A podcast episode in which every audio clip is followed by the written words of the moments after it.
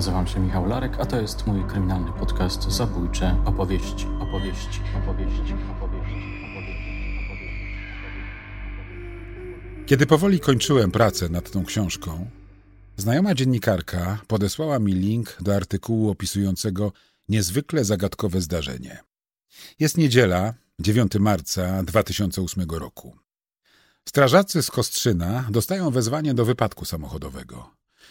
60-letni Mieczysław N., kierowca Fiata Punto, uderzył w drzewo, zginął na miejscu. Wydało się to podejrzane. Ładna pogoda, prosta droga, brak śladów hamowania. Co się stało? Dlaczego? Potem sekcja zwłok wykluczyła zawał. A może to samobójstwo? Okazało się, że sprawa jest bardziej skomplikowana i makabryczna.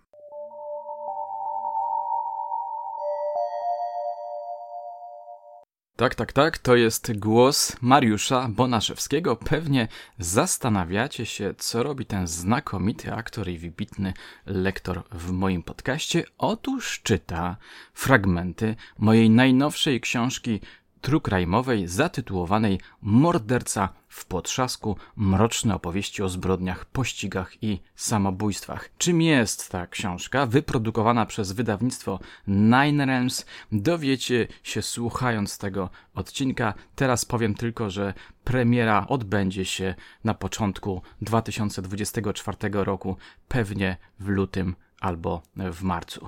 Niniejszy odcinek jest odcinkiem specjalnym. Jest to zredagowana wersja mojego QA zorganizowanego na Instagramie. Okazją były piąte urodziny zabójczych opowieści. Tak, tak, to już pięć latek. Pięć długich, trudnych, ale też i inspirujących lat właśnie mija.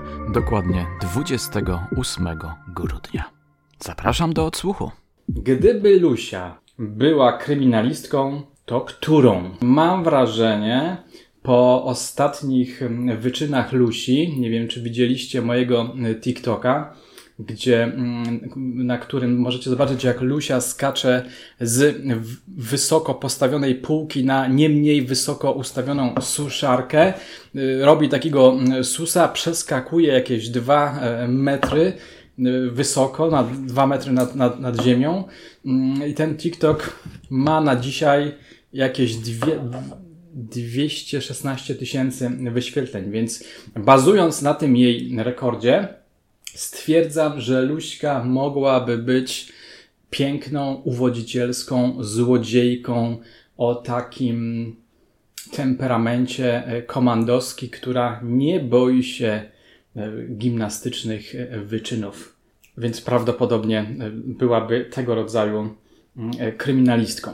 Drugie pytanie tej samej słuchaczki. Kiedy kolejny audioserial? Hmm, tego nie wiem. Z temu z Marcinem byliśmy na kawie i zastanawialiśmy się, czy zrobić audioserial o plucie czy o kwaśniaku. Tymczasem na razie ja działam w zakresie pluty, odkrywam nowe, ciekawe informacje a za jakiś czas mm, pojawi się moja książka póki co w formie audio. Tytuł brzmi Morderca w potrzasku. Jest to książka trukrajmowa, zawierająca kilka reportaży poświęconych mm, sprawcom e, zabójstw i te, te, te, te rozdziały są połączone wątkiem samobójczym. Zazwyczaj zabójca w pewnym momencie zostaje doprowadzony, przyparty do muru, czy jak w przypadku pluty, mm, przyparty jakby do drzewa, do korony drzew i próbują popełnić samobójstwo, czasami skutecznie, mm, czasami nie. I praca nad tym tekstem mm, doprowadziła mnie do bardzo ciekawych odkryć. Nie będę zdradzał teraz za dużo, rzucę tylko tak enigmatycznie, że jestem w posiadaniu opowieści, z których mo wynikać może, że Pluta popełnił wcześniej jeszcze zabójstwa. Czy to prawda? Nie wiem.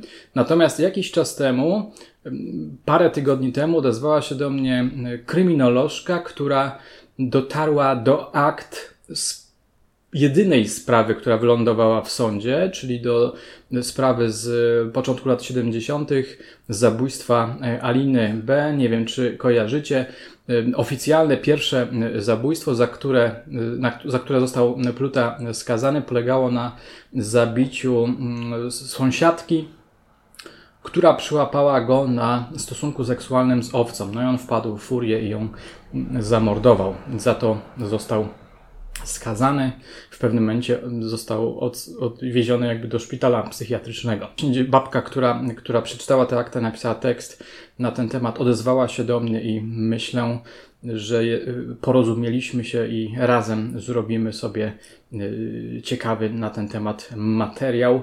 Mm, taka ciekawostka, Pluta w pewnym momencie, w latach chyba 50., już teraz nie pamiętam, próbował z sąsiadem przekroczyć granicę polsko-niemiecką, został zatrzymany przez służby radzieckie i pewien mężczyzna, który mieszkał w tej samej wsi co Pluta, czyli w Marianowie, powiedział mi, że ten sąsiad nie wrócił, natomiast Pluta po powrocie miał jego zegarek. Rodzą się zatem pytania, co Pluta, co przydarzyło się temu sąsiadowi, czy Pluta czasem go nie zabił. Sięgam teraz po Wasze komentarze. Drzewiecka Monika. Witam. Dzisiaj właśnie odebrałam zamówioną niedawno nienawiść. Zrobiłam sobie mały świąteczny prezent. No, bardzo mi miło. To też jest dla mnie taki malutki e, prezencik. W takim razie mam nadzieję, że e, ten pierwszy tom trylogii o komisarzu Dalbergu przypadnie Ci do gustu. Zuzamaniek, otwierasz daluszki kanał Kocie Opowieści. Nie wiem, czy kocie opowieści, ale jeśli miałbym założyć kanał wypełniony kontentem produkowanym przez Luśkę, to byłyby najbardziej ryzykowne czy spektakularne skoki. Jeśli się z Lusią dogadam, że będzie w stanie skakać raz w tygodniu, wykonywać raz w tygodniu jakiś spektakularny skok, to może założymy kanał i będziemy zarabiać wielkie pieniądze. To jest niesamowite, słuchajcie. Moje, ja nie, póki co nie, nie, nie zacząłem tak na poważnie, na serio prowadzić konta na TikToku. Mm, zastanawiam się, w jakim kierunku pójść, tym bardziej, że teraz rozważam, czy czasem nie pójść w stronę mm, tworzenia psychologicznego kontentu z fachowcami, oczywiście ekspertami.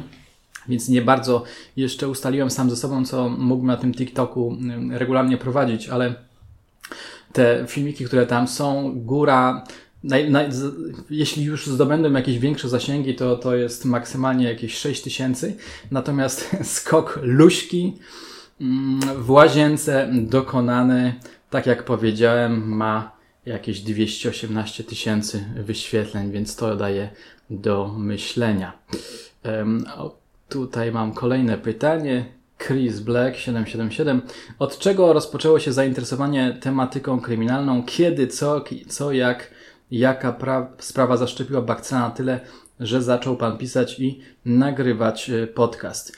E, tematyką kryminalną, o tym już czasami mówię w sumie co roku, tematyką kryminalną zaczynałem się zajmować e, parę razy w swoim dotychczasowym życiu. Tak najbardziej amatorsko i nie twórczo, tylko odtwórczo, to jak byłem chłopcem, miałem, nie wiem, 8-10 lat Zaczytywałem się y, w powieściach i opowiadaniach o y, Sherlocku Holmesie, o, o w, w, książkach o Herkulesie Poirot. Potem, jak byłem troszeczkę starszym młodzieńcem, to zaczynałem czytać, to czytałem sobie y, czarny kryminał, czyli Chandlera, Hameta i tak dalej, i tak dalej. Nie czytałem wtedy nic z True Crime'u.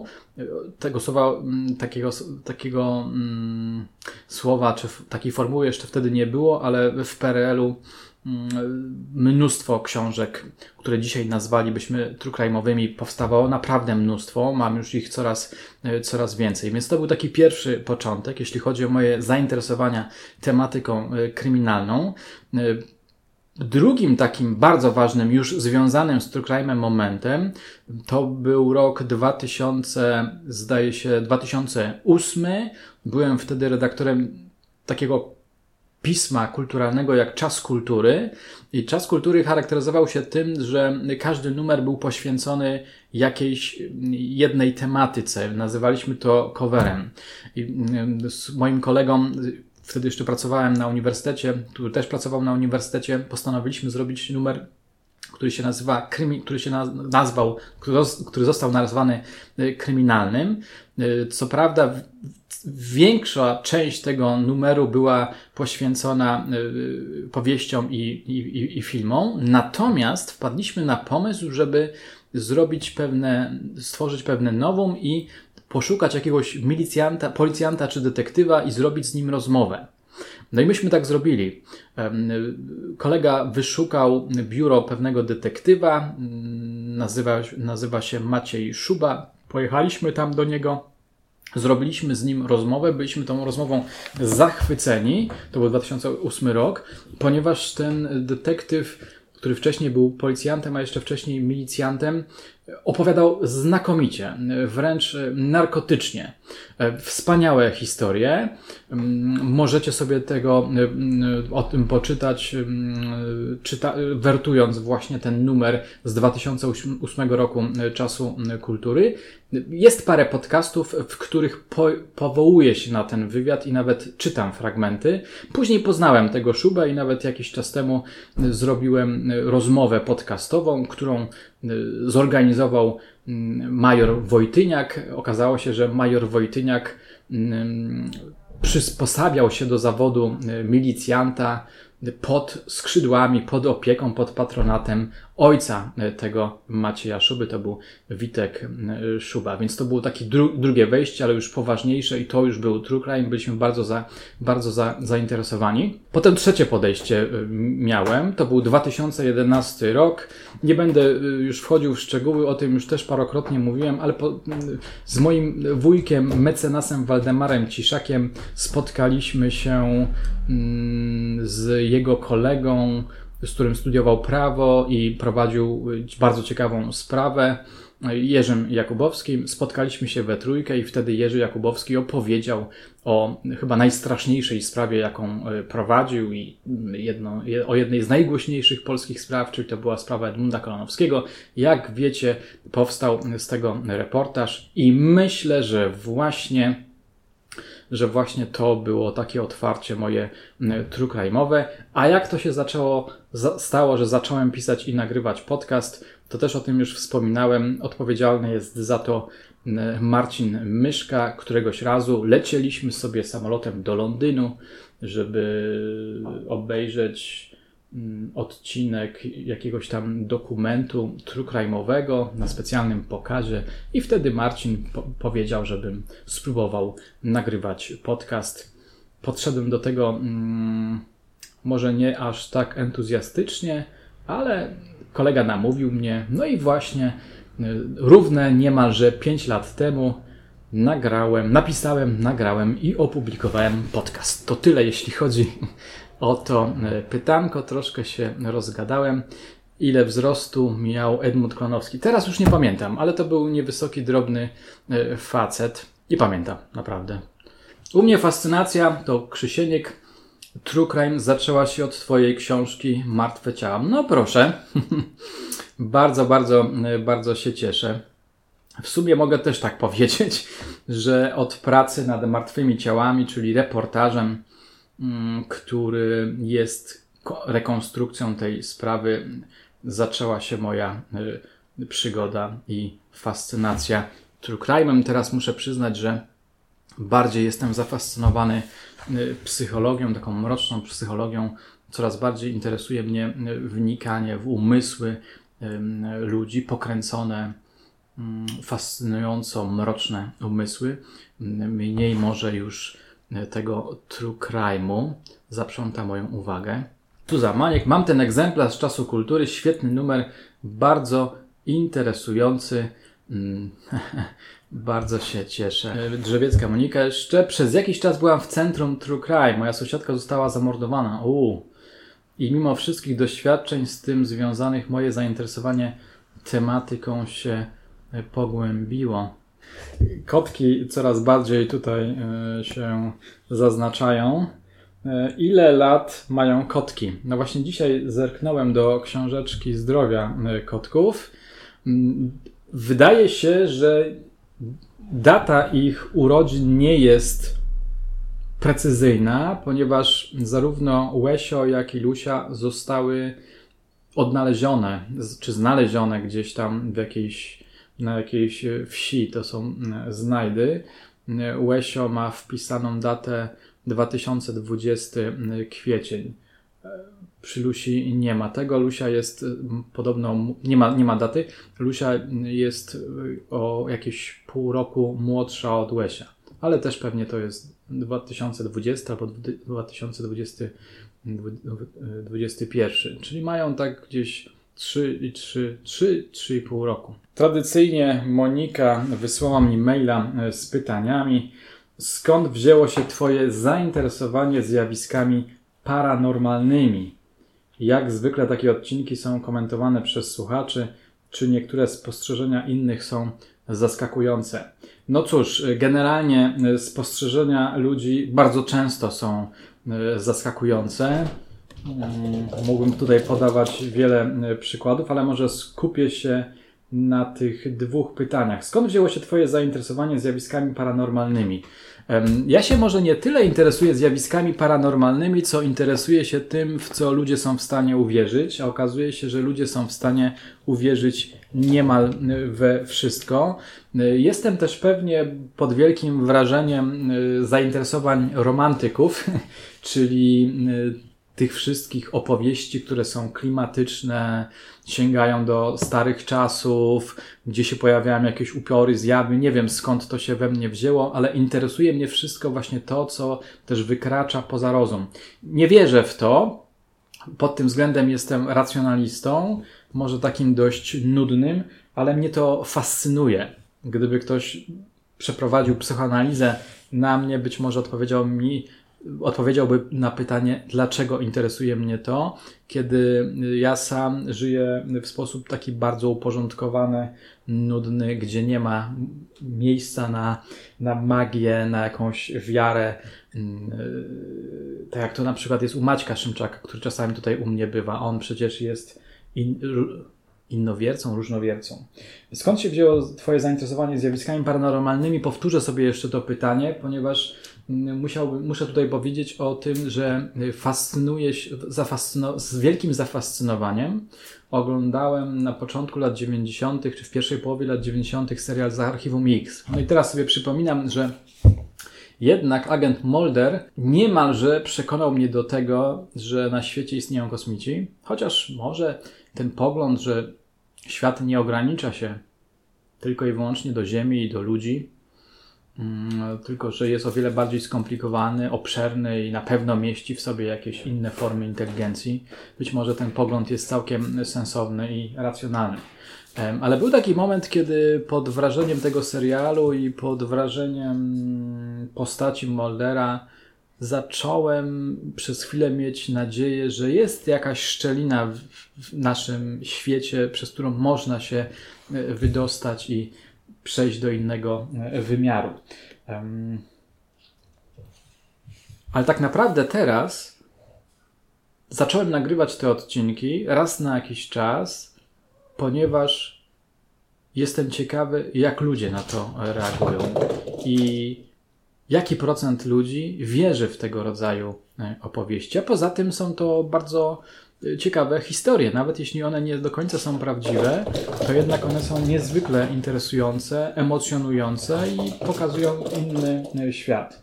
Tutaj, tutaj to pytanko, jak zwykle takie odcinki są komentowane przez słuchaczy. To jest bardzo ciekawe i właśnie to mnie niezwykle interesuje, jeśli chodzi o te paranormalne historie. Z jednej strony tego rodzaju odcinki, choć może nie u mnie na kanale, ale, ale na innych kanałach, mm, budzą wielkie emocje, także negatywne.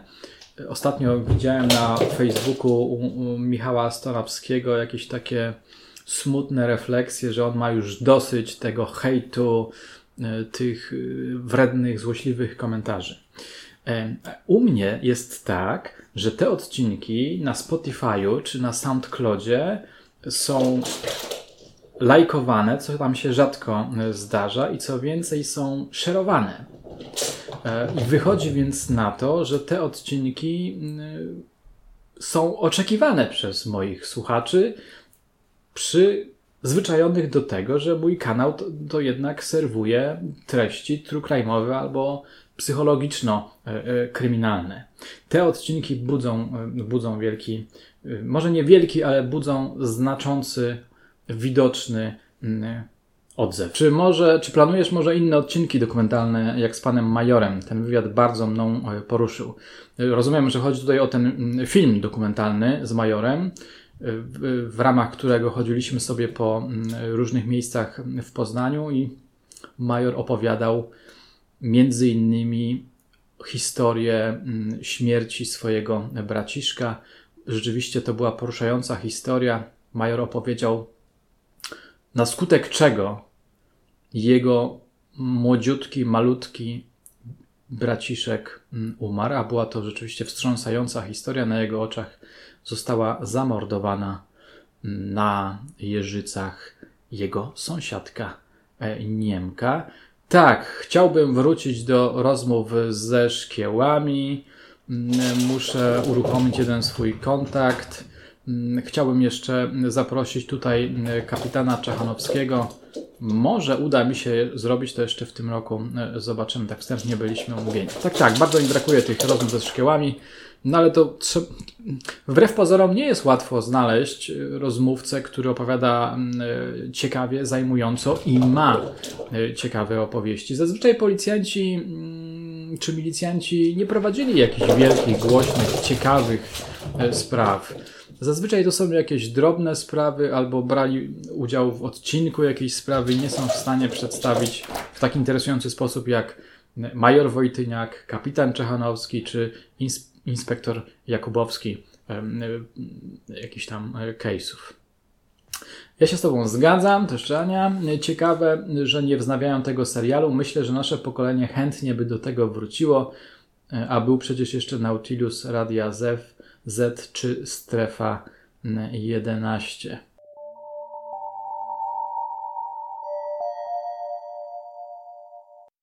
Gdy z wraku samochodu wydobyto ciało kierowcy, przeszukana została reszta pojazdu, pisał Maciej Taciak na stronie glospowiatu sreckiego.pl. Na tylnych siedzeniach znaleziono zwłoki dwóch kobiet. Nie były one jednak ofiarami wypadku, a ich ciała owinięte zostały w koce i foliowe worki.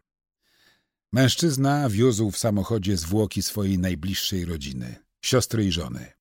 Obie kobiety miały na całym ciele rozległe rany zadane ostrym narzędziem. W aucie znaleziono także chemikalia, trzy noże i szpadel. Tego samego dnia ustalono, że Mieczysław zabił kobiety w swoim mieszkaniu, najprawdopodobniej siekierą. Przed śmiercią odwiedził kuzyna. Podobno był ubrany inaczej niż zazwyczaj. Samochód też zaparkował w innym miejscu. Był zdenerwowany. Nie wzbudziło to podejrzeń rodziny, gdyż mężczyzna za kilka dni miał zgłosić się do szpitala onkologicznego. Prawdopodobnie był poważnie chory, pisał dziennikarz. Kilkanaście minut po wyjściu od krewnego Mieczysław N. uderzył w drzewo, jadąc prawie 100 km na godzinę.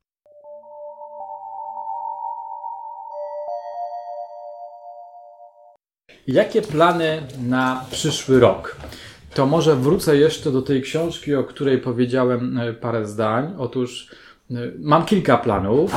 Jeśli chodzi o plany trukrajmowe, mm, to pojawi się na początku roku, nie wiem czy w styczniu, może już w styczniu nie, ale pewnie gdzieś w lutym, w marcu, mm, audio książki zatytułowanej Morderca w potrzasku. Już ona została znakomicie przeczytana przez Mariusza e, Bona, Bonaszewskiego. Mm, druga rzecz, druga ważna rzecz, taka psychologiczno trukrajmowa. Właśnie kończymy powolutku pisać z Marcinem Walickim taką opowieść na dwa głosy. Jest to jego. Jest to książka będąca mm, nawiązaniem do jego pracy w więzieniu w areszcie śledczym Białołęka, gdzie pracował jako psycholog e, więzienny. Będzie to, jest to opowieść, która przedstawia warunki, jakie panują w areszcie śledczym. Jest to opowieść o pracy psychologa i jest tam analiza czterech case'ów. Znakomicie nam się to pisze. Marcin się rozkręca jako pisarz i raz po raz ta książka zamienia się trochę w takie e, konsultacje psychologiczne. Omawiamy sobie bardzo do, do, w miarę dokładnie, zagłębiając się coraz mocniej cztery przypadki. Polecam, będzie to, wydaje mi się, bardzo ciekawa pozycja. Zaraz, bo tutaj ominąłem chyba pytanie Karoliny którą bardzo serdecznie e, witam. E, no tak, tutaj teraz na naszym live pojawiają się osoby, które występują jako moi goście e, w podcaście. Jest tu Marcin Walicki, przynajmniej przez chwilę był. Teraz jest Karolina Trajanowska, którą serdecznie witam i życzę Ci zdrówka. Możesz nam powiedzieć, jak sobie radzisz z myślami i emocjami dotyczącymi, niekonstruktyw... dotyczącymi niekonstruktywnych opinii, na przykład na, na YouTube. E, czyli e, krótko mówiąc, albo e, bardziej wprost, jak sobie radzę z mm, myślami, emocjami takimi bardziej hejterskimi. Dla mnie to już nie jest problem, tak naprawdę. Mm, nie jest w stanie mnie poruszyć komentarz, który jest głupi, absurdalny, niekonstruktywny, który jest wypowiedziany ewidentnie w złej wierze. Bardziej by mnie, czy w ogóle dotknęłoby mnie coś, co byłoby mieszanką merytorycznej, zjadliwej krytyki i jakiejś takiej właśnie emocjonalnej złośliwości. Raz po raz dostawałem komentarze, które były szalone wręcz. Na przykład jakaś pani napisała, że w moich oczach widać zło. No, ale nie mogłem się tym przejąć, ponieważ ja wiem, że w moich oczach nie ma zła, a poza tym y, przy wszystkich moich wadach których pewnie jest trochę, na pewno nie jestem zły i no nie robię ludziom e, krzywdy, więc to nie może, nie może mnie uderzać. Gdyby na, gdyby na przykład był e, ofiarą zmasowanego e, hejtu, mm, to wtedy pewnie byłaby to inna sytuacja. Na szczęście mój kanał jest niszowy i takie strzały czy strzaliki niekonstruktywne, pozbawione merytorycznego wkładu, póki co spływają po mnie jak po kaczce woda. E, ale są czasami takie komentarze, których nie potrafię zdefiniować. Mm, I to dotyczy, Karolino, naszego podcastu. Natychmiast go mm, usunąłem. Pamiętasz, rozmawialiśmy przez trzy odcinki na temat groomingu. I w ostatnim odcinku rozmawialiśmy o e, pedofilii. Ja, powołując się na jakieś badania, e, zasugerowałem, że ci youtuberzy, którzy powiedzmy mają 20 lat i w sposób naganny, wręcz przestępczy, nagabywali mm, młodsze dziewczyny poniżej 15 roku życia. Y, powołałem się na takie badania, wskazania, że oni nie są pedofilami, że te ich kryminalne czyny, przestępcze oczywiście czyny, należy inaczej zdefiniować. E, I nie wiem, czy do tego komentarz się odnosił, czy nie było tam takiego punktu, do którego on by się odnosił, ale z tego komentarza wynikało, że pochwaliłem pedofilię. I to, i to było tak absurdalne i tak głupie, i tak trochę nie, nawet niebezpieczne, że natychmiast usunąłem ten komentarz. E, witam. Czy będą jeszcze rozmowy z panią psycholog z zakładu karnego w Bieszczadach? Pozdrawiam serdecznie. No właśnie jakiś czas temu mm, koleżanka mm, major mm, Katarzyna Bolek przeszła na emeryturę i pomyślałem sobie, że warto by z nią raz jeszcze przeprowadzić rozmowę o tyle może nawet już ciekawszą, że ona nie będzie miała na sobie munduru i także nie będzie miała tej presji, że musi pewne rzeczy przemilczać, ale jakoś nie miałem okazji, żeby, nie miałem okazji, żeby y, w Bieszczady pojechać. To jest dobre pytanie, bardzo za nie y, dziękuję, bo ono przypomina mi o tym planie. Mam nadzieję, że jeszcze będzie możliwa rozmowa w warunkach wolnościowych i że ta rozmowa nowe rzeczy odkryje, wyłoni z siebie. Muszę się odezwać do, do koleżanki i zapytać, czy jeszcze byłaby taka e, możliwość. Bardzo bym chciał z nią jeszcze sobie porozmawiać. A może udałoby się stworzyć taką serię rozmów ze znanymi psychologami sądowymi, więziennymi? To naprawdę jest ciekawy temat i ciągle zagadkowy. Krzysieniek, no właśnie, przypomniałeś mi, że nie zakończyłem swojej od, od, odpowiedzi o plany bo w tych planach jest jeszcze nowa wersja Martwych Ciał. Mam nowe materiały, jakoś się z tym ociągałem, ale było dużo roboty, więc nie mogłem do tego zasiąść. Natomiast taki najciekawszy, najważniejszy, jak mi się teraz wydaje, projekt na przyszły rok, to jest założyć kanał psychologiczny. Będą między innymi wspierali mnie w tym Marcin Walicki i Karolina Trojanowska. Już tam się omawiamy na różne e, tematy. I myślę, że rozmowy e, z psychologami sądowymi, więziennymi będą takimi łącznikami pomiędzy tymi dwoma kanałami. Rzeczywiście mm, taki mam pomysł. Natomiast jest pewna trudność, jeśli chodzi o rozmowę z psychologami, którzy aktualnie pracują. Oni nie mogą się wypowiadać, nie mając pozwolenia. Jakby dostali pozwolenie, to i tak musieliby się bardzo mocno pilnować. Dlatego mm, Katarzyna Major, Major Bolek była tutaj wyjątkiem. No ona była, mm, ona była w stopniu majora i była e, dyrektorem czy kierownikiem pewnego e, wydziału, więc ona tutaj pewnie miała większą swobodę. Na przykład Marcin Walicki, który był psychologiem więziennym, już nie pracuje w zawodzie, więc on może swobodnie rozmawiać i nawet e, przedstawiać wady systemu więziennego czy pracy, organizacji pracy psychologa w więzieniu. Mogłem porozmawiać z jego kumplem, strażnikiem więziennym, ale wtedy, kiedy on przeszedł na dobre już na emeryturę. Więc tutaj są takie ograniczenia, takie są e, limity. Ale e, wracając do Twojego pytania, czy takiej sugestii, może bardziej tak, chcę zrobić serię e, z psychologami pracującymi w więzieniu, z osadzonymi, z przestępcami, z mordercami, czy tam zabójcami.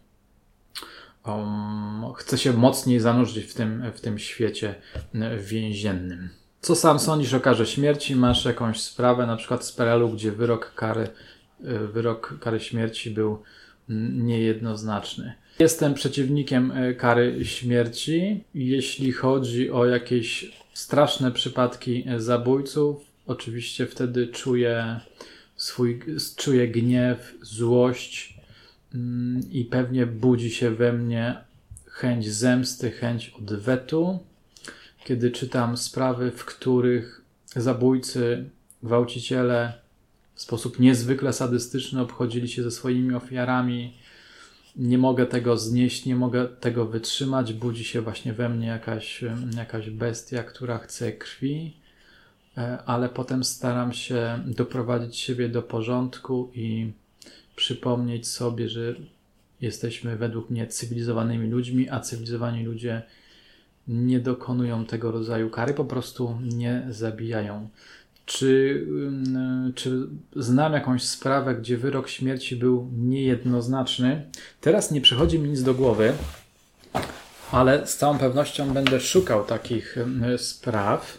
No, Gorgonowa co prawda nie została skazana na karę śmierci, ale to przecież jest taki, może nie, to jeszcze nie PRL, tylko dwudziestolecie międzywojenne, ale to jest bardzo ciekawa bardzo e, ciekawa sprawa, do dzisiaj w sumie nierozstrzygnięta, choć Cezary Łazarewicz, autor świetnej książki o tej sprawie, zdaje się, że twierdzi, że, że, że wie, że ona była niewinna. Natomiast kiedyś rozmawiałem mm, z pewnym prawnikiem, będącym w latach PRL-u prokuratorem, i on opowiedział taką ciekawą historię. Ją zdaje się, że przemyciłem do jednego z opowiadań. Rozmawiał, był, był, był świadkiem rozmowy jakiegoś chyba sędziego z jakimś ministrem i ten minister, to był czas PRL-u, ten minister, bardzo prosty człowiek, krzyczał do swojego podwładnego: Dej tam mu karę śmierci. Przy czym nie było oczywiste, że że delikwent zasługuje właśnie na e, karę śmierci, ale ten obrazek pokazywał, że kara śmierci była też taką, mm, była też taką e, karą po prostu zlecaną przez, e, przez wierchuszkę Czasami pewnie było tak, że nie było podstaw do tego. A jeśli chodzi o wyrok kary śmierci niejednoznaczny, no to teraz przypomniała mi się kwestia Marchwickiego przecież.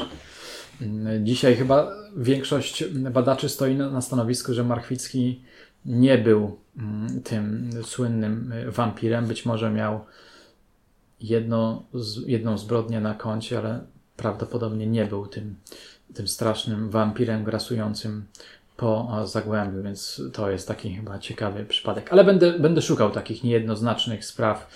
Nawet kiedyś y, szkicowałem sobie taki pomysł na, na serię o tego rodzaju, o tego rodzaju mordach sądowych, czy takich właśnie wyrokach niepewnych, niejednoznacznych, mogących być, uchodzić za niesprawiedliwe. Psychologia, panika. E, tak trzymaj, dzięki za życzenia zdrowia. Myślę, że takie treści, które wydają się po prostu głupie, bezczelne, są po prostu mm, uszkadzające. No właśnie. Ale skądinąd to pytanie jest o tyle y, ważne, y, sensowne, że mm, inni podcasterzy z tego, co kiedyś słyszałem, mają poważne e, problemy. Niektórzy w ogóle się zniechęcają do tego.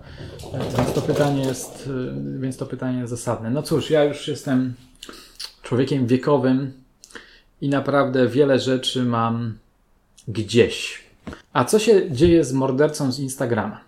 To jest y, kolejna przypominajka, że nie dokończyłem pytania o, o, o, plany na przyszły rok. Otóż morderca z Instagrama został już nagrany przez y, bardzo fajną lektorkę. Mm, co stoi na przeszkodzie publikacji tego opowiadania? Jesteśmy, to jest opowiadanie, może ci, którzy nie wiedzą, z Maćkiem Szymczakiem szkicujemy sobie raz na jakiś czas opowiadanie z serii Święta z trupami i mamy taki pomysł, żeby raz na jakiś czas w związku z jakimiś świętami wydawać kolejne opowiadanko. Życie oczywiście trochę zweryfikowało nasze plany, ponieważ mamy bardzo mało czasu i robimy to z o wiele mniejszą częstotliwością. Ale pierwsze opowiadanie, które Wam polecam, czyli Zaduszki Zemsta z Zagrobu, hula od jakiegoś roku, możecie sobie posłuchać. Jest to opowiadanie mm, o pewnym milicjancie, zapijaczonym człowieku, który budzi się na cmentarzu, no i musi stawić czoła pewnym mrocznym postaciom, wyobrażonym zabójcom, z którymi miał różnego rodzaju e, kontakty. Drugie opowiadanie nazywa się Walentynki, morderca z Instagrama i opowiada o pewnej kobiecie, pięknej kobiecie, eleganckiej kobiecie, która miała mroczne zainteresowania związane z cmentarzami, z seryjnymi zabójcami i któregoś razu odzywa się do niej na Instagramie pewien mężczyzna i zaprasza ją na wycieczkę, w ramach której może zetknąć się z prawdziwą śmiercią. Opowiadanie już, jak powiedziałem, zostało nagrane. Czekamy teraz na okładkę. Dzisiaj nawet pytałem kolegę Łukasza Narolskiego, który jest producentem różnych moich projektów audialnych, także tych e, z Maćkiem i mówił, że czekamy właśnie na okładkę. Niestety grafik ma mnóstwo zleceń i niestety z tego powodu jest taka długa zwłoka. Jestem antykara śmierci, siedziałem w więzieniu z osobami skazanymi na dożywocie i uważam, że ten wyrok był okrutny czy akuratny E, dla nich. Oto ciekawe. E, to zapraszam do kontaktu. Chętnie, chętnie posłucham, Tomek, Twojej opowieści o pobycie. E, rzeczywiście wydaje się, i tak też mówił mecenas Andrzej Reichelt, którego mogliście posłuchać w dwóch moich odcinkach. On mówił, że zamknięcie w odosobnieniu jest naprawdę dotkliwą karą na skutek której ludzie wpadają w depresję i tak dalej, i tak dalej. Wydaje mi się, że warto sobie to uświadomić, że osadzenie w więzieniu, na przykład na dożywocie, jest czymś wstrząsającym i że to może jest dostateczna kara za tak straszne e, grzechy. Ale możesz, jeśli, jeśli jesteś tu jeszcze, to możesz, jeśli byłbyś tak uprzejmy, w paru zdaniach napisać, dlaczego uważasz ten wyrok za okrutny dla nich, czy akuratny, bo tak mm, tutaj w tym zdaniu jest, w tym, w tym słowie, którego użyłeś, jest błąd i nie wiem, czy ty miałeś na myśli okrutny, czy akuratny, ale wydaje mi się, że okrutny. Marchwicki, no właśnie tak, Marchwicki to jest taką. Pamiętam sprawę afery mięsnej, jak to potem się odbiło na całym życiu Pawła Wawrzyckiego. No właśnie, afera mięsna i kara, i kara śmierci. Kochani, nie wiem, czy wy sobie zdajecie sprawę. Ostatnio przeglądałem sobie książkę od, niej, y, y, do niej będę, będę wracał na swoich mediach społecznościowych, może w podcaście Zbigniewa Nowaka, Kara Śmierci, takie potężne dzieło, przynajmniej rozmiarowo i tam jest bardzo ciekawie rozpisana historia y, podejścia do, do kary, także do kary, kary kryminalnej, do kary także kary śmierci. No i były takie czasy, były, są takie, były takie kraje, gdzie karało, karano śmiercią na przykład nieposłuszeństwo w stosunku do ojca czy dziadka. Więc to są też bardzo ciekawe rzeczy. Tak, z jednej strony jestem coraz bardziej zafascynowany psychologią, ale to, to prawo, kiedy ktoś mi o nim ciekawie opowiada albo pisze, też mnie intryguje jak, i jakkolwiek nigdy nie zostanę prawnikiem, nie pójdę na studia prawnicze, na psychologiczne mam zamiar pójść, może się uda, to jednak to prawo rzeczywiście jest y, taką opowieścią przedstawiającą niezwykle pasjonujące, ciekawe case'y. Charlie. Ze spraw, gdzie osoby zostały skazane bardzo niejednoznacznie, sprawa Michała Gołębiowskiego z dwudziestolecia międzywojennego. W podcaście Zbrodnie Zapomniane jest omówiona, brud, sprawa Brudne sprawy Sołtysa. Oto muszę sobie poczytać o tej sprawie. Bardzo, bardzo dziękuję. Krzysieniek, odnośnie kary śmierci, to, to przeprowadziłeś, z tego co pamiętam, rewelacyjną rozmowę. Nie pamiętam już z jakim panem, ale zmieniła na moje podejście do kary śmierci. Fenomenalna rozmowa. Y, to myślę, że to, to był właśnie mecenas Andrzej Reichelt. Przeprowadziłem z nim dwie rozmowy. Pierwsza taka na rozruch, a w drugiej, która polegała na odpowiedzi na rozmaitego rodzaju komentarze, on przedstawił różne badania co prawda amerykańskie, z których wynikać, wyniknęła jedna sprawa. Kara śmierci nie sprawia, że ludzie przestają zabijać. Nie ma to żadnego wpływu. Tak wygląda to przynajmniej w świetle tych badań, o których on mówił, do których on się odwoływał. No tak to wygląda, że to nie ma wpływu. Tomek. Siedziałem z gościem, który za trzy głowy mm, siedział. Upiekło mu się, bo dostał dożywocie. Z tego co mówił, była to pierwsza dożywotka, która wyszła na przepustkę pod konwojem na pogrzeb matki. O, to ciekawe. Tutaj ktoś ciągle pisze o Edmundzie Kolanowskim. Ponoć Edmund Kolanowski nie jadł mięsa, same słodkości, bo mięso źle mu się kojarzyło. Podobno regularnie kłócił się swoją konkubiną o posiłki. Czyżby dlatego, że zrobiła schabowe na obiad. Była taka scena, pamiętam ją z akt sprawy. Edmund siedzi przy stole, podany mu został obiad, a on, niedobry, rzucił tym talerzem i sobie wyszedł.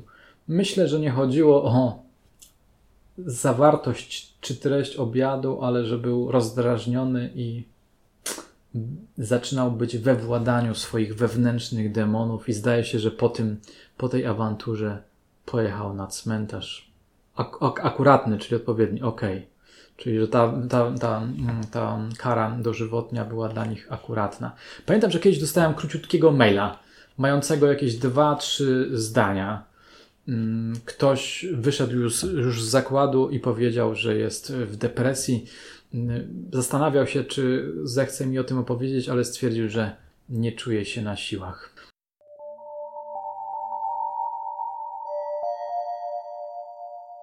Z tego krótkiego artykułu wynika, że policja przyjęła wersję, iż ów wypadek był samobójstwem popełnionym jakiś czas po dokonaniu podwójnego zabójstwa.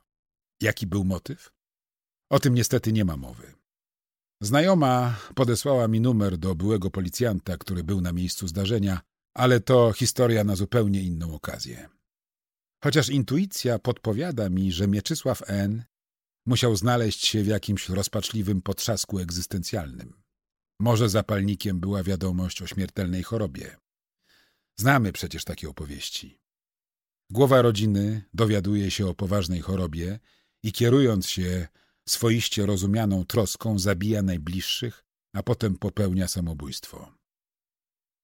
Ta niezwykle zagadkowa śmierć przypomniała mi sprawę Edmunda Statkiewicza z dwudziestolecia międzywojennego. Statkiewicz zabił rodzinę, a potem siebie. Prasa pisała, że miał wśród sąsiadów bardzo dobrą opinię. Ludzie go cenili, lubili, uchodził za troskliwego, czułego ojca, przykładnego męża. Był pracowity i energiczny. Osiągnął spory sukces zawodowy. Parał się finansami trochę polityką. Przez chwilę był nawet wiceministrem skarbu. Jeden z dziennikarzy donosił, że kiedy wynoszono zwłoki, matka zamordowanej żony rzuciła się na martwego zięcia, krzycząc Edziu, Edziu, coś ty zrobił. Zostawił po sobie dziennik. Jeśli wierzyć doniesieniom medialnym, zawierał on fragmenty będące apoteozą śmierci. Również, jak się zdaje, samobójczej.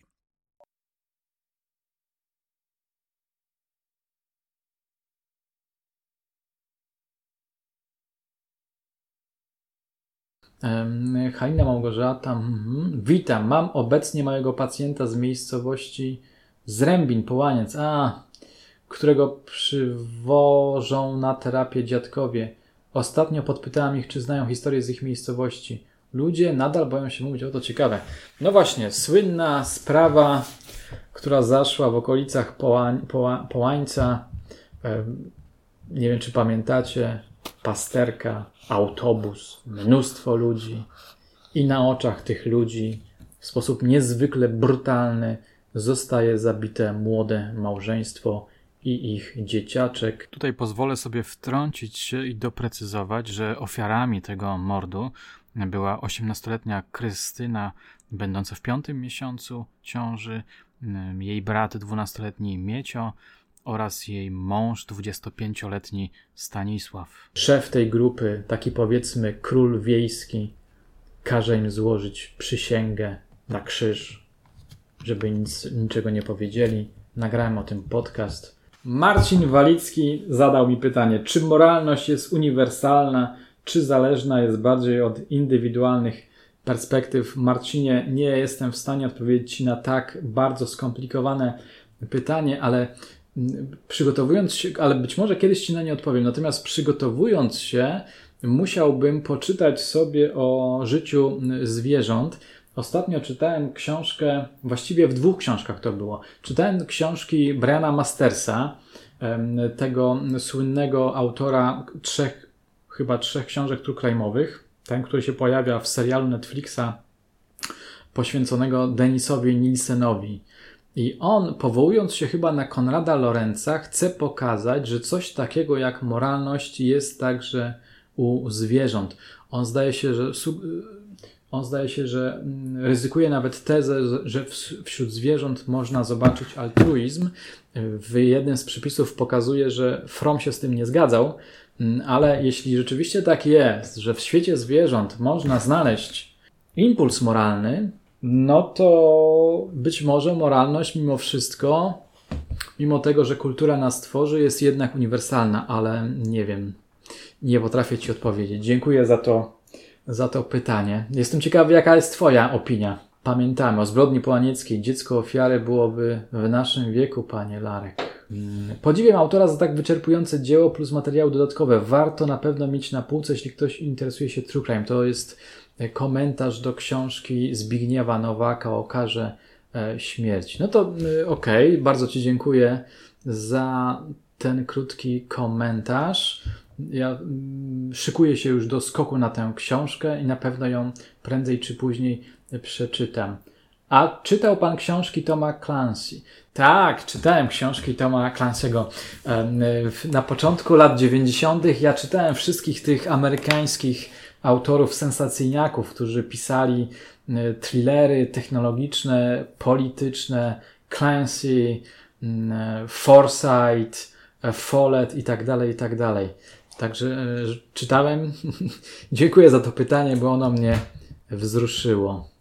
Czy to nie pan? Nie, to właśnie to, to były też moje klimaty. Mam taką wielką, grubą, czerwoną książkę Toma Clancy'ego, którą kupiłem sobie parę lat, parę lat temu i jeszcze jej nie czytałem. E, ale muszę do niej zerknąć. Tak, to są moje klimaty. No teraz może do nich, e, do, dawno tych klimatów nie zażywałem, E, ale dziękuję za to pytanie, bo ono mnie tak jakoś ucieszyło i, wzruszyło. Przypomniało czasy, kiedy jako 15-latek, 16-latek, może nawet 14-latek czytałem te wszystkie sensacyjniaki. To jeszcze była zupełnie inna epoka, bo wtedy tego rodzaju książki sensacyjne czytali głównie faceci. E, a teraz jest tak, że książki mroczne, straszliwe o seryjnych zabójcach czytają głównie e, panie. Jaka jest Twoja ulubiona książka? Mój, moim ulubionym pisarzem niezmiernie cały czas jest John Le Carré, geniusz, jeśli chodzi o, um, o powieści szpiegowskie. I gdybym miał wybrać moją ulubioną jego książkę, gdyby ktoś przystawił mi pistolet do skroni, to powiedziałbym, że książka, której nigdy nie, nie mogę zapamiętać wszystkich słów tytułu, czyli druciarz, krawiec, żołnierz szpieg. Wspaniała i szpiegowska, i miłosna, i niezwykle egzystencjalna powieść.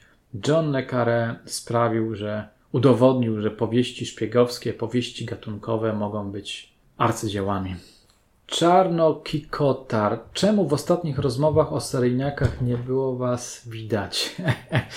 tak, już pozostanie. Odpo- to chyba ta sama osoba, która zadała mi ten komentarz na YouTubie. Zdaje się, że dzisiaj rano odpowiedziałem.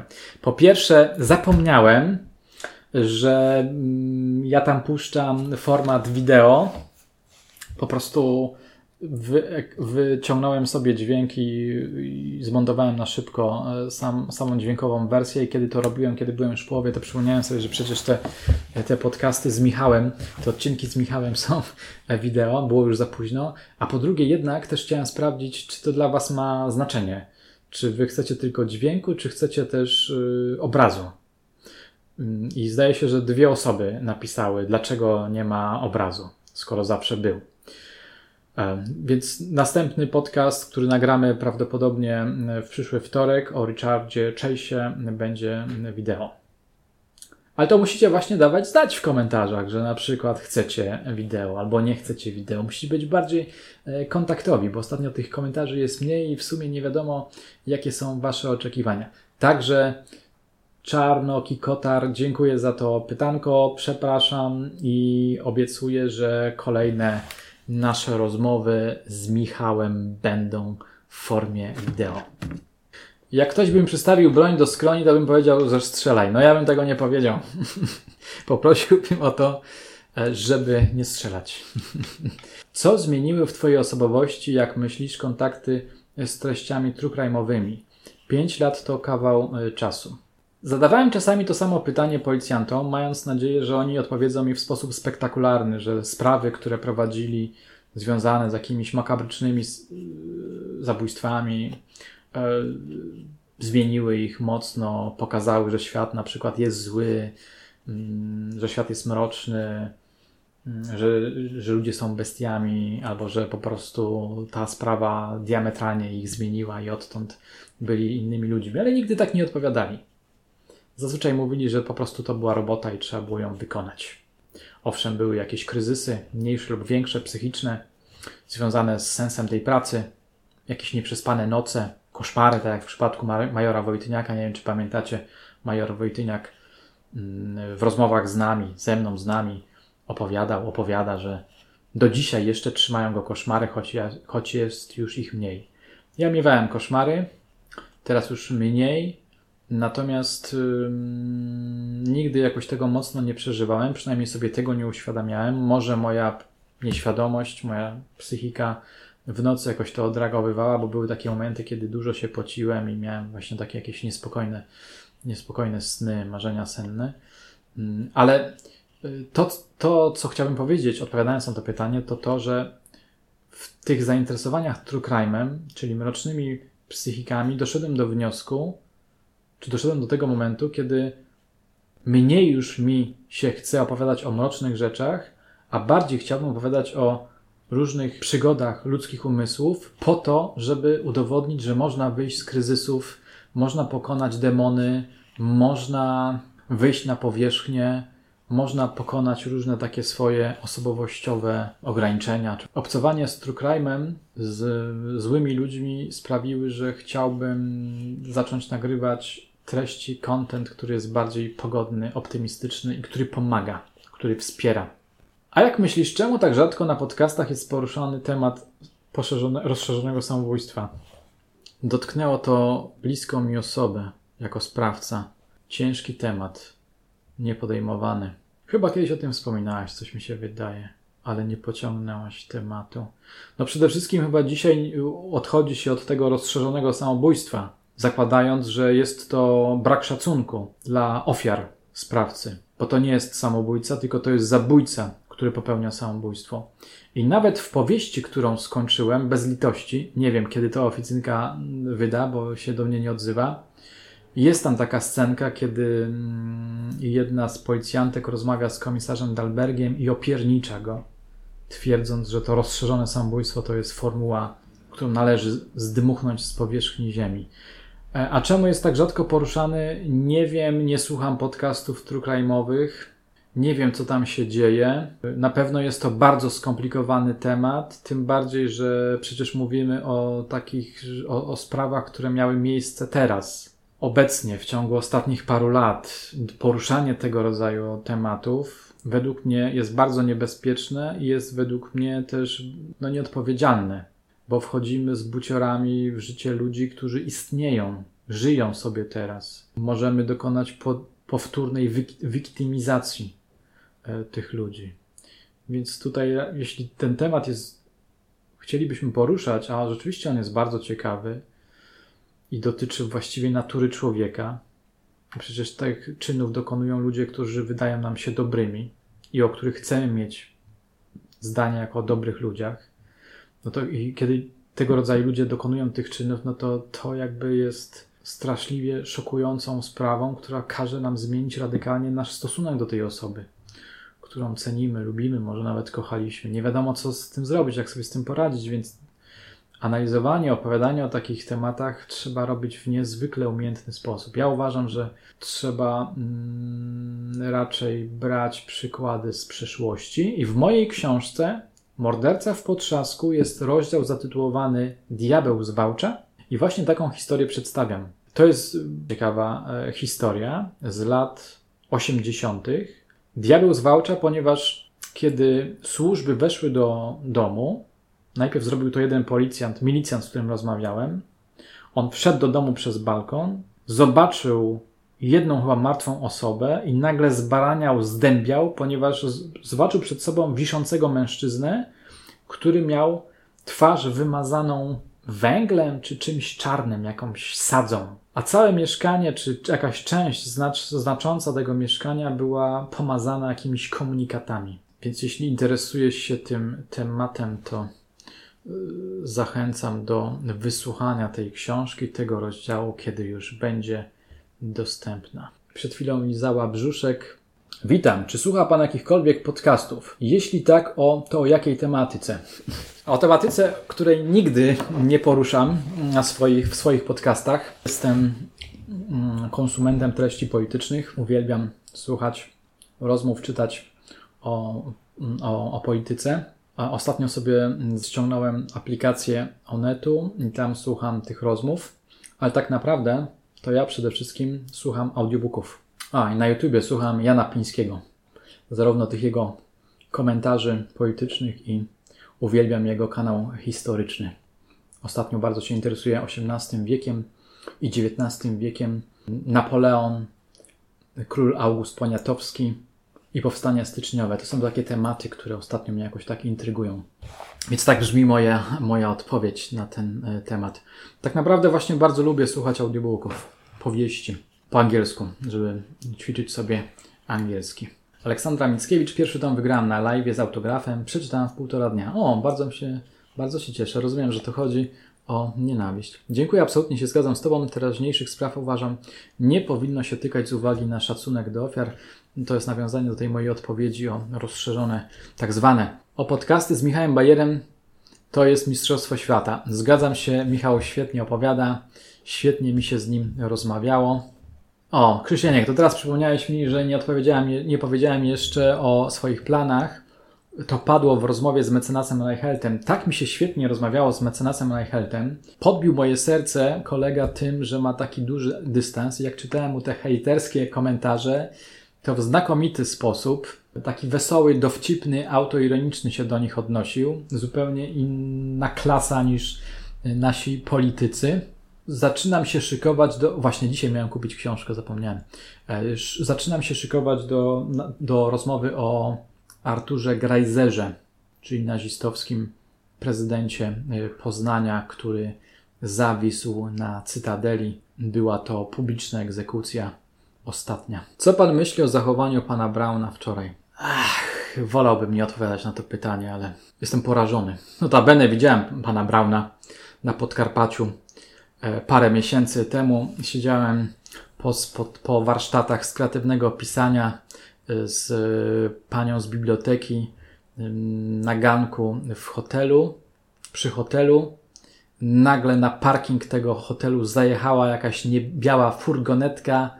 Z niej wysiadł pewien mężczyzna, który raźnym krokiem ruszył do przodu.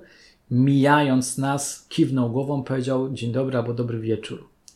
Mm, otworzyłem oczy ze zdumienia, ponieważ był to Grzegorz Braun. Nie zrobił mi nic złego. Czy czytał Pan jakieś książki z zakresu manipulacji, perswazji e, godne mm, polecenia? No, czytałem taki największy hit Cialdiniego, czy Cialdiniego, nie pamiętam jak to się czyta. Natomiast dostałem ostatnio od, ze znaku książkę o właśnie manipulacji, manipulatorach są to liderzy jakichś sekt. Muszę ją przeczytać. Dopiero ją tylko, dopiero ją kartkowałem, jeszcze jej nie przeczytałem. E, ale myślę, że za jakiś czas zrobię podcast i wtedy pewnie będę mógł polecić więcej książek z tego, z tego zakresu. Pan mecenas super, z dystansem, świetna rozmowa, hejt tam był zbędny i widać ludzie połowy nie zrozumieli z rozmowy. No rzeczywiście, moje odkrycie jako podcastera, który mm, ma tę możliwość czytania komentarzy, w sumie banalne, no ale to mm, moje odkrycie na własnej skórze dokonane, czy na własnych uszach, jest takie, że ludzie nie lubią argumentów. Ludzie są zakochani w swoich poglądach, które bardzo często są oparte na niczym, poza emocjami. Ludzie chcą, żeby coś było prawdą. I nawet jeśli ciągle mówią o tej prawdzie, odmieniają ją przez wszystkie przypadki, nie chcą tej prawdy. Chcą, żeby rzeczywistość była taka, jaką sobie wyobrazili. E, pamiętam na początku XX wieku Bolesław Leśmian, ten, ten, ten, ten poeta, napisał artykuł bardzo ciekawy, czy esej o dziennikarstwie. W sumie dzisiaj mówi się podobnie o dziennikarstwie, że dziennikarstwo polega nie na informowaniu społeczeństwa, tylko na sprzedawaniu treści, które są potwierdzeniem przypuszczeń, opinii, poglądów czytelników, odbiorców. Dziennikarstwo, ma, dziennikarstwo, które jest skuteczne, które się sprzedaje, to jest takie, które utwierdza ludzi w swoich błędnych poglądach, czy po prostu w poglądach. I tak właśnie było z tą rozmową. Ktoś na przykład mówił, nie przekonują mnie argumenty mecenasa, i to rozumiem, bo przecież nie muszą przekonywać, ale nie było w zamian przedstawionych kontrargumentów. Albo nawet jest tak, że y, argumenty mogą być bardzo przekonujące i mogą być rzeczowe, mogą być prawdziwe, ale one nas nie przekonują, ponieważ my, jako ludzie, kierujemy się zupełnie czym innym niż y, rozumem czy instrumentem racjonalnym. Coś może być prawdą, ale my tę prawdę wypieramy. Dobra, zacząłem filozofować, a już się zmęczyłem, że z pół do jedenastej. Kochani, będę, będę kończył. Jaki jest Twój ulubiony psycholog? Na dzisiaj powiem Ci, że Erich Fromm, a drugi Marcin Walicki, na tym samym miejscu Karolina. Marcin Stąpasz po kruchym lodzie. tak więc Erich, Erich Fromm, Marcin Walicki i Karolina Trojanowska, a potem Jung. Ol Sawa. Piękne podsumowanie. No właśnie. E, to może na tym poprzestaniemy. Mam tu jeszcze jakieś pytania. Jakie plany na przyszły rok? To już odpowiedziałem. Panie Michale, po pierwsze chciałbym panu serdecznie pogratulować, a moje pytanie brzmi skąd czerpie pan inspirację do odcinków? Mm, bardzo często czerpałem inspirację do odcinków z opowieści szkiełów, czasami e, z prasy, a ostatnio mm, czerpię pomysły od moich rozmówców, bo ten mój podcast tak się trochę mm, przebranżawia, odmienia, przekształca. Mniej już jest rekonstrukcji histo historyjek kryminalnych, bo to mnie nudzi, a, a, a dużo więcej rozmów z różnego rodzaju ekspertami. I kiedy na przykład przygotowuję się do rozmowy z tym ekspertem, albo w trakcie, kiedy, kiedy już prowadzę rozmowę z ekspertem, przychodzą wtedy pomysły. I te najciekawsze inspiracje to są wtedy, które to są takie, które rodzą się mm, podczas rozmowy z moimi gośćmi. Ostatnio byłem na kawie z moim bardzo dobrym kolegą, zaprzyjaźnionym szkiełem Markiem Bronickim. Rzuciłem mu, że, rzuciłem mu coś takiego, wiesz, teraz coraz bardziej interesuje mnie psychologia, y, trauma, PTSD. On mówi, to poczekaj.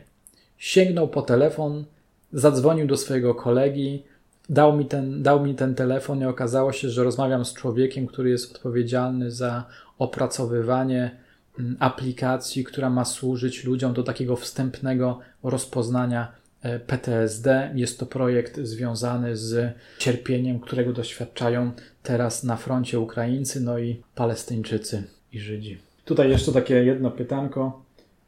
Czy wyobraża Pan sobie siebie w roli oficera służby więziennej w sytuacji, kiedy miałby Pan codziennie styczność z największymi przestępcami? Czy potrafiłby Pan zapomnieć o ich zbrodniach w kontaktach z nimi? Pozdrawiam. Ten projekt wydaje mi się, projekt zawarty w tym pytaniu wydaje mi się ciekawy, ale mam wrażenie, że bardzo szybko bym się e, zmęczył.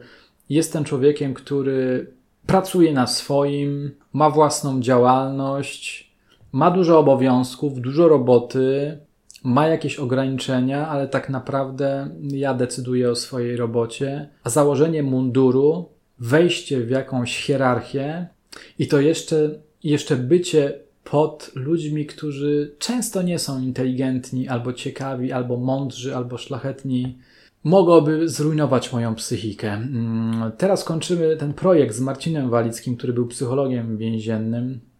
Mówiłem Wam przed chwilą o tym. I on się zmęczył po paru latach i już nie pracuje. Ja mam wrażenie, żebym się wypalił mocniej niż on. Więc byłoby to ciekawe doświadczenie na rok, na dwa lata, ale generalnie chyba bym się w tym nie odnalazł. Czy kiedy odsłona paranormalna podcastu? Słuchajcie, nagrałem wczoraj ostatni odcinek takiej trzyodcinkowej rozmowy z Bogdanem Głębockim. To jest pisarz i historyk. On jest autorem tak zwanego dieselpunku, czyli takiej powieści retro związanej z, związanej z okultyzmem i tego rodzaju klimatami. Nasza długa rozmowa, mająca właśnie jakieś trzy godziny, podzielona na trzy odcinki, dotyczy związków nazizmu z okultyzmem. Więc na przykład to będzie taki odcinek, e, odcinek, e, o który pyta Gabrysia. I myślę, że raz na jakiś czas będą się tego rodzaju paranormalne rzeczy pojawiały. Nie dlatego, że wierzę w paranormalne rzeczy, ale dlatego, że fascynują mnie tego rodzaju e, opowieści. Ok, jest 22.29. Takiego długiego live'a chyba jeszcze nie było muszę kończyć, żeby iść za chwilę e, spać.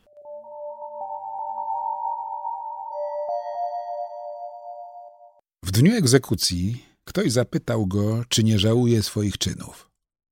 Odpowiedział, że nie. Raz się żyje, dodał bez emocji, nie wykazując żadnej skruchy. Nie chciał się widzieć z księdzem. W wulgarny sposób zareagował na taką propozycję. Jego ostatnim życzeniem było wypalenie papierosa. Pozwolono mu na to. Gdy skończył, klepnął w ramię kata i rzucił – No, mistrzu, kończymy. No i mistrz skończył. Robi wrażenie ten brak skruchy, wyrzutów sumienia, strachu. Zabójca doszedł do ostatniej strony własnej biografii i zachował się tak, jakby skończył urlop.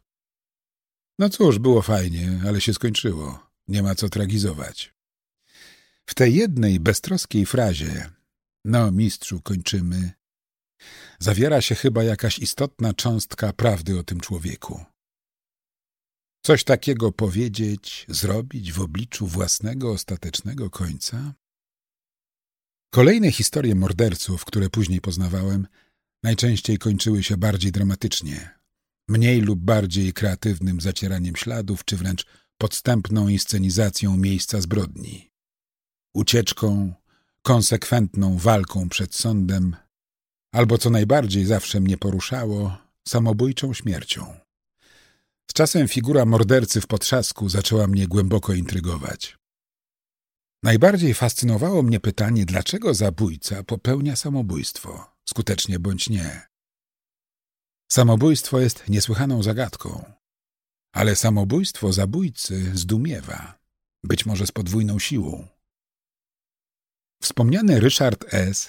został skazany w 1972 roku. W tym samym roku podinspektor Czechanowski, wówczas oficer Komendy Wojewódzkiej w Poznaniu, został wysłany do Krotoszyna, gdzie pewien młody sokista wymordował całą swoją rodzinę, a potem usiłował popełnić samobójstwo. Dlaczego? Wrócę do tej sprawy w pierwszym rozdziale niniejszej książki.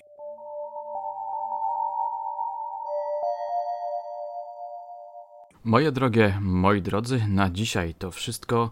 Bardzo serdecznie Wam dziękuję za wysłuchanie tego odcinka, za bycie ze mną przez tak długi okres. Szczególne podziękowania składam na ręce tych słuchaczek i tych słuchaczy, którzy są ze mną od samego początku, od pięciu lat, czy też od czterech. Bardzo mocno, bardzo gorąco dziękuję Wam za obecność, za wsparcie, za energię, która była moją siłą napędową. A ci z Was, którzy słuchają tego odcinka przed świętami, niech przyjmą ode mnie życzenia dobrych, spokojnych, pełnych relaksu świąt Bożego Narodzenia. Do usłyszenia już niebawem.